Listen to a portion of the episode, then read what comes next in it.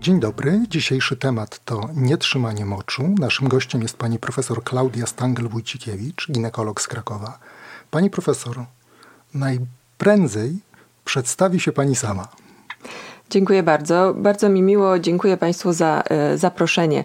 E, jestem e, ginekologiem położnikiem, adiunktem w klinice endokrynologii ginekologicznej i ginekologii Szpitala Uniwersyteckiego w Krakowie. Pracuję tam od wielu lat i mm, zarówno prowadzę działalność dydaktyczną, naukową, jak i mm, pomagam pacjentom.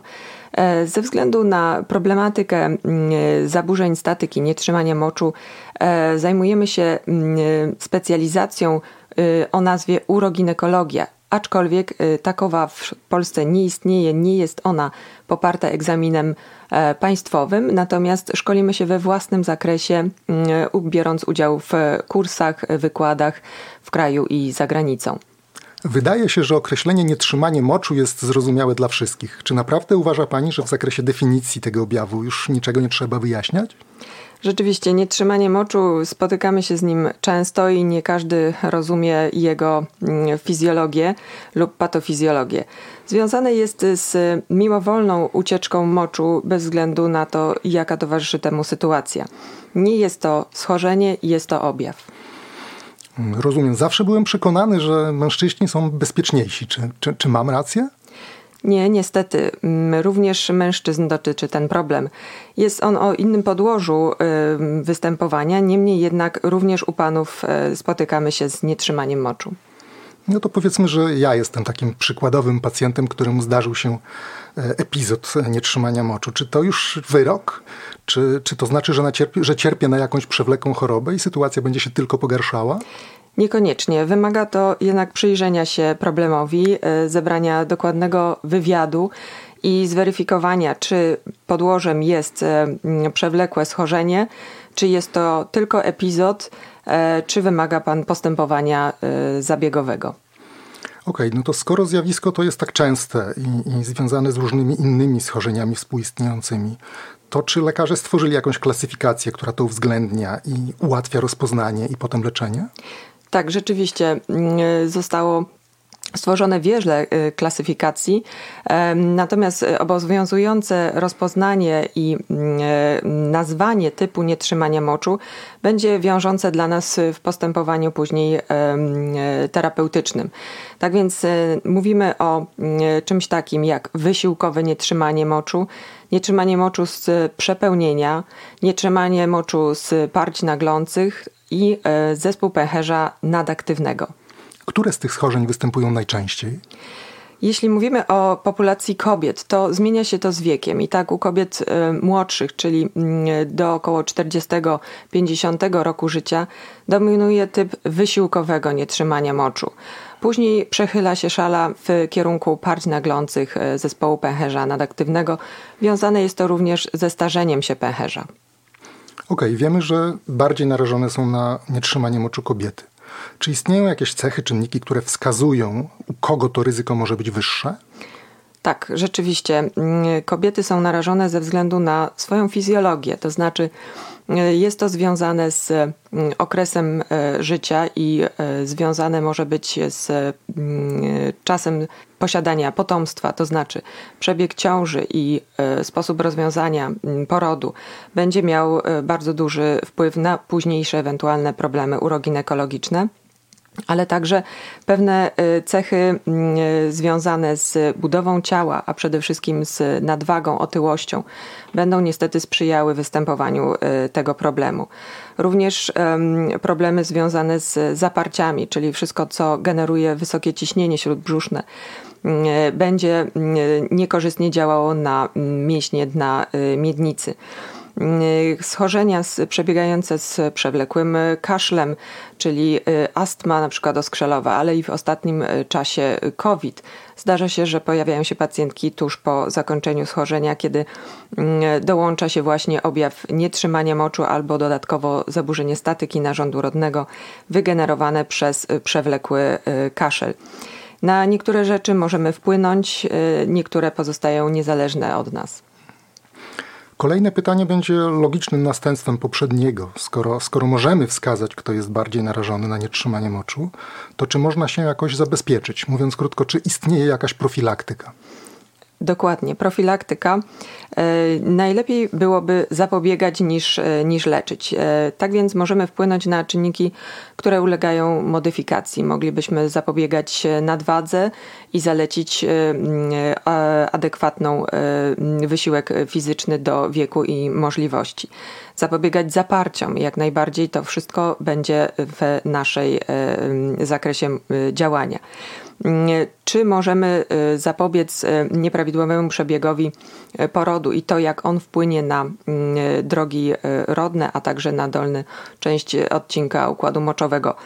I tak i nie, ze względu na to, że pewne sytuacje są fizjologiczne, jak sam przebieg ciąży, kiedy działania hormonów będzie wpływała relaksacyjnie na układy powięziowe, E, pozwalając na prawidłowe donoszenie ciąży. Poród tutaj e, wymaga oczywiście podejścia przede wszystkim logistycznego związanego z bezpieczeństwem rodzącej i rodzonego człowieka. Natomiast e, staramy się ochraniać oczywiście drogi rodne, przygotowywać je w jakimś stopniu. I tutaj coraz więcej młodych kobiet poszukuje fizjoterapii uroginekologicznej już wcześniej, przed e, prokreacją, by przygotować mięśnie dna miednicy tak jakby do wysiłku mm, sportowego, jakim e, niewątpliwie będzie mm, ciąża, a później e, rozwiązanie poród siłami, drogami natury. Tak więc przygotowanie z, w asyście mm, fizjoterapeuty wyszkolonego w kierunku uroginekologicznym będzie tutaj i jest bardzo rozsądne. Okay. Wiemy już, e, jakie objawy mm, mogą towarzyszyć nietrzymaniu moczu. Które z nich są ważniejsze, które są mniej ważne, które powinny skłonić nas do wizyty do lekarza? Na pewno jeśli objawy e, nietrzymania moczu e, zdarzają się często, utrzymują się, kiedy to zaczyna wpływać bardzo na jakość naszego życia. No, można powiedzieć, że każdorazowa ucieczka moczu może doprowadzać do sytuacji krępującej i tak jest ten problem postrzegany przez większość populacji. Natomiast kiedy dochodzi właśnie do częstych gubień, częstego, obfitego gubienia moczu, kiedy mm, dochodzi do tego obniżenia narządu rodnego, odczytywane często przez pacjentki jako um, pociąganie w podbrzuszu, jako mm, dyskomfort uniemożliwiający poruszanie się, współżycie, prawidłowe funkcjonowanie, wtedy powinniśmy nie zwlekać i zwrócić się po pomoc specjalistyczną.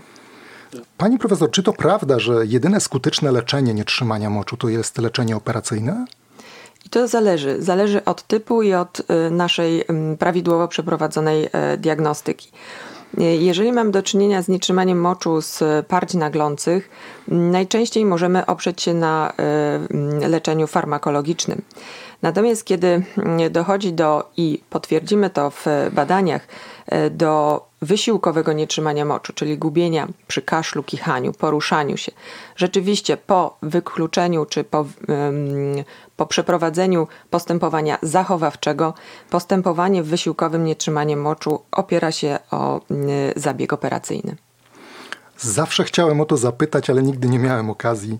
Co to są ćwiczenia mięśni dna miednicy? Ćwiczenia mięśni na miednicy są to powszechnie y, znane i y, często stosowane przez pacjentki ćwiczenia, y, które do niedawna opierały się głównie na tak zwanych ćwiczeniach Kegla. Polegają na ćwiczeniach, które pozwalają na uświadomienie sobie zarówno lokalizacji mięśni na miednicy, ocenie ich siły i tak jak każde mięśnie powiedzmy szkieletowe, możemy poddać je treningowi. Niemniej jednak e, okazuje się, że nie mamy nie, nie, mamy jednego sposobu na e, ćwiczenia te mięśnie i z zaleceń i wytycznych e, płyną wnioski następujące. Powinny one być wykonywane pod nadzorem urofizjoterapeuty, który będzie oceniał również manualnie w jaki sposób i jakie partie mięśniowe napinamy i określił, będzie określał i zalecał nam rodzaje i długość tych ćwiczeń, tak by wykonując je nie doprowadzić do e, patologicznego e, skurczu, patologicznych napięć w zakresie mięśni na miednicy. Mówimy tutaj o leczeniu w znaczeniu procesu terapeutycznego, ale czy są jakieś metody, żeby się zabezpieczyć tak z dnia na dzień? Tak, y, istnieją metody i są stosowane szeroko przez y, pacjentki. Mm, kobiety od lat oczywiście zawsze stosują podpaski, natomiast tutaj w, ze względu na nietrzymanie moczu ten rodzaj podpasek, wkładek musi być ze specjalnego materiału, który lepiej chłonie mocz, który lepiej wchłonie zapachy. E, i są dostępne na rynku różnego rodzaju e, tego typu zabezpieczenia. Dodatkowo można stosować e, również dedykowane temu problemowi tampony do pochwowe, które aplikowane e, doraźnie w ciągu dnia albo w sytuacji, która będzie wiązała się z ucieczką moczu, będą zapobiegały jemu e, wyciekowi tego e, moczu. Niemniej jednak jest to oczywiście postępowanie zachowawcze, zabezpieczające przed tymi nieprzyjemnymi, krępującymi sytuacjami. A jakie badania diagnostyczne wykonuje się w procesie rozpoznawania tego schorzenia? Badania diagnostyczne będą polegały mm, jak zwykle klasycznie na przeprowadzeniu wywiadu lekarskiego, który będzie kierunkował już e, problematykę mm, e, mm, związaną z problemem nietrzymania moczu czy problemami uroginekologicznymi. Wykorzystujemy też e, coś takiego, co nazywamy dzienniczkiem mikcji. Jak sama nazwa wskazuje, jest to E, notatka sporządzona przez e, pacjenta w przeciągu trzech dni, w tym jednego dnia wolnego od pracy, w której e, jest tabela do wypełnienia godzinowa i odnotowuje on swoje dolegliwości związane z nietrzymaniem moczu lub innymi problemami z dolnych dróg moczowych Notuje je w mm, aspekcie y, epizodów ucieczki moczu, występowania parć naglących, częstości oddawania y, moczu w toalecie, a także objętości. Jest to bardzo y, ułatwiające, obiektywizujące problematykę narzędzie diagnostyczne. By pójść krok dalej, badanie, które przeprowadzamy już kliniczne polegające na ocenie w zakresie mm, dolnych e, e, dróg moczowych, w tym dodatkowo e, w zakresie dróg rodnych i ocenie zaburzenia statyki narządu rodnego, to będzie kolejny element diagnostyczny, który będzie nas zbliżał do postawienia prawidłowej, prawidłowej diagnozy i typu nietrzymania moczu i zaburzeń uroginekologicznych. E, krok dalej to mm, badania ultrasnograficzne. Możemy wykorzystywać również jako element pomocniczy w diagnozowaniu e, zaburzeń e, mm, z zakresu uroginekologicznego, w tym nietrzymania moczu. I mm, takie badanie już wysoko specjalistyczne to badanie urodynamiczne lub badanie wideourodynamiczne, które w sposób już bardzo szczegółowy będzie określało wydolność e, i problematykę z zakresu dolnych dróg e, moczowych. Zbliżamy się powoli do końca.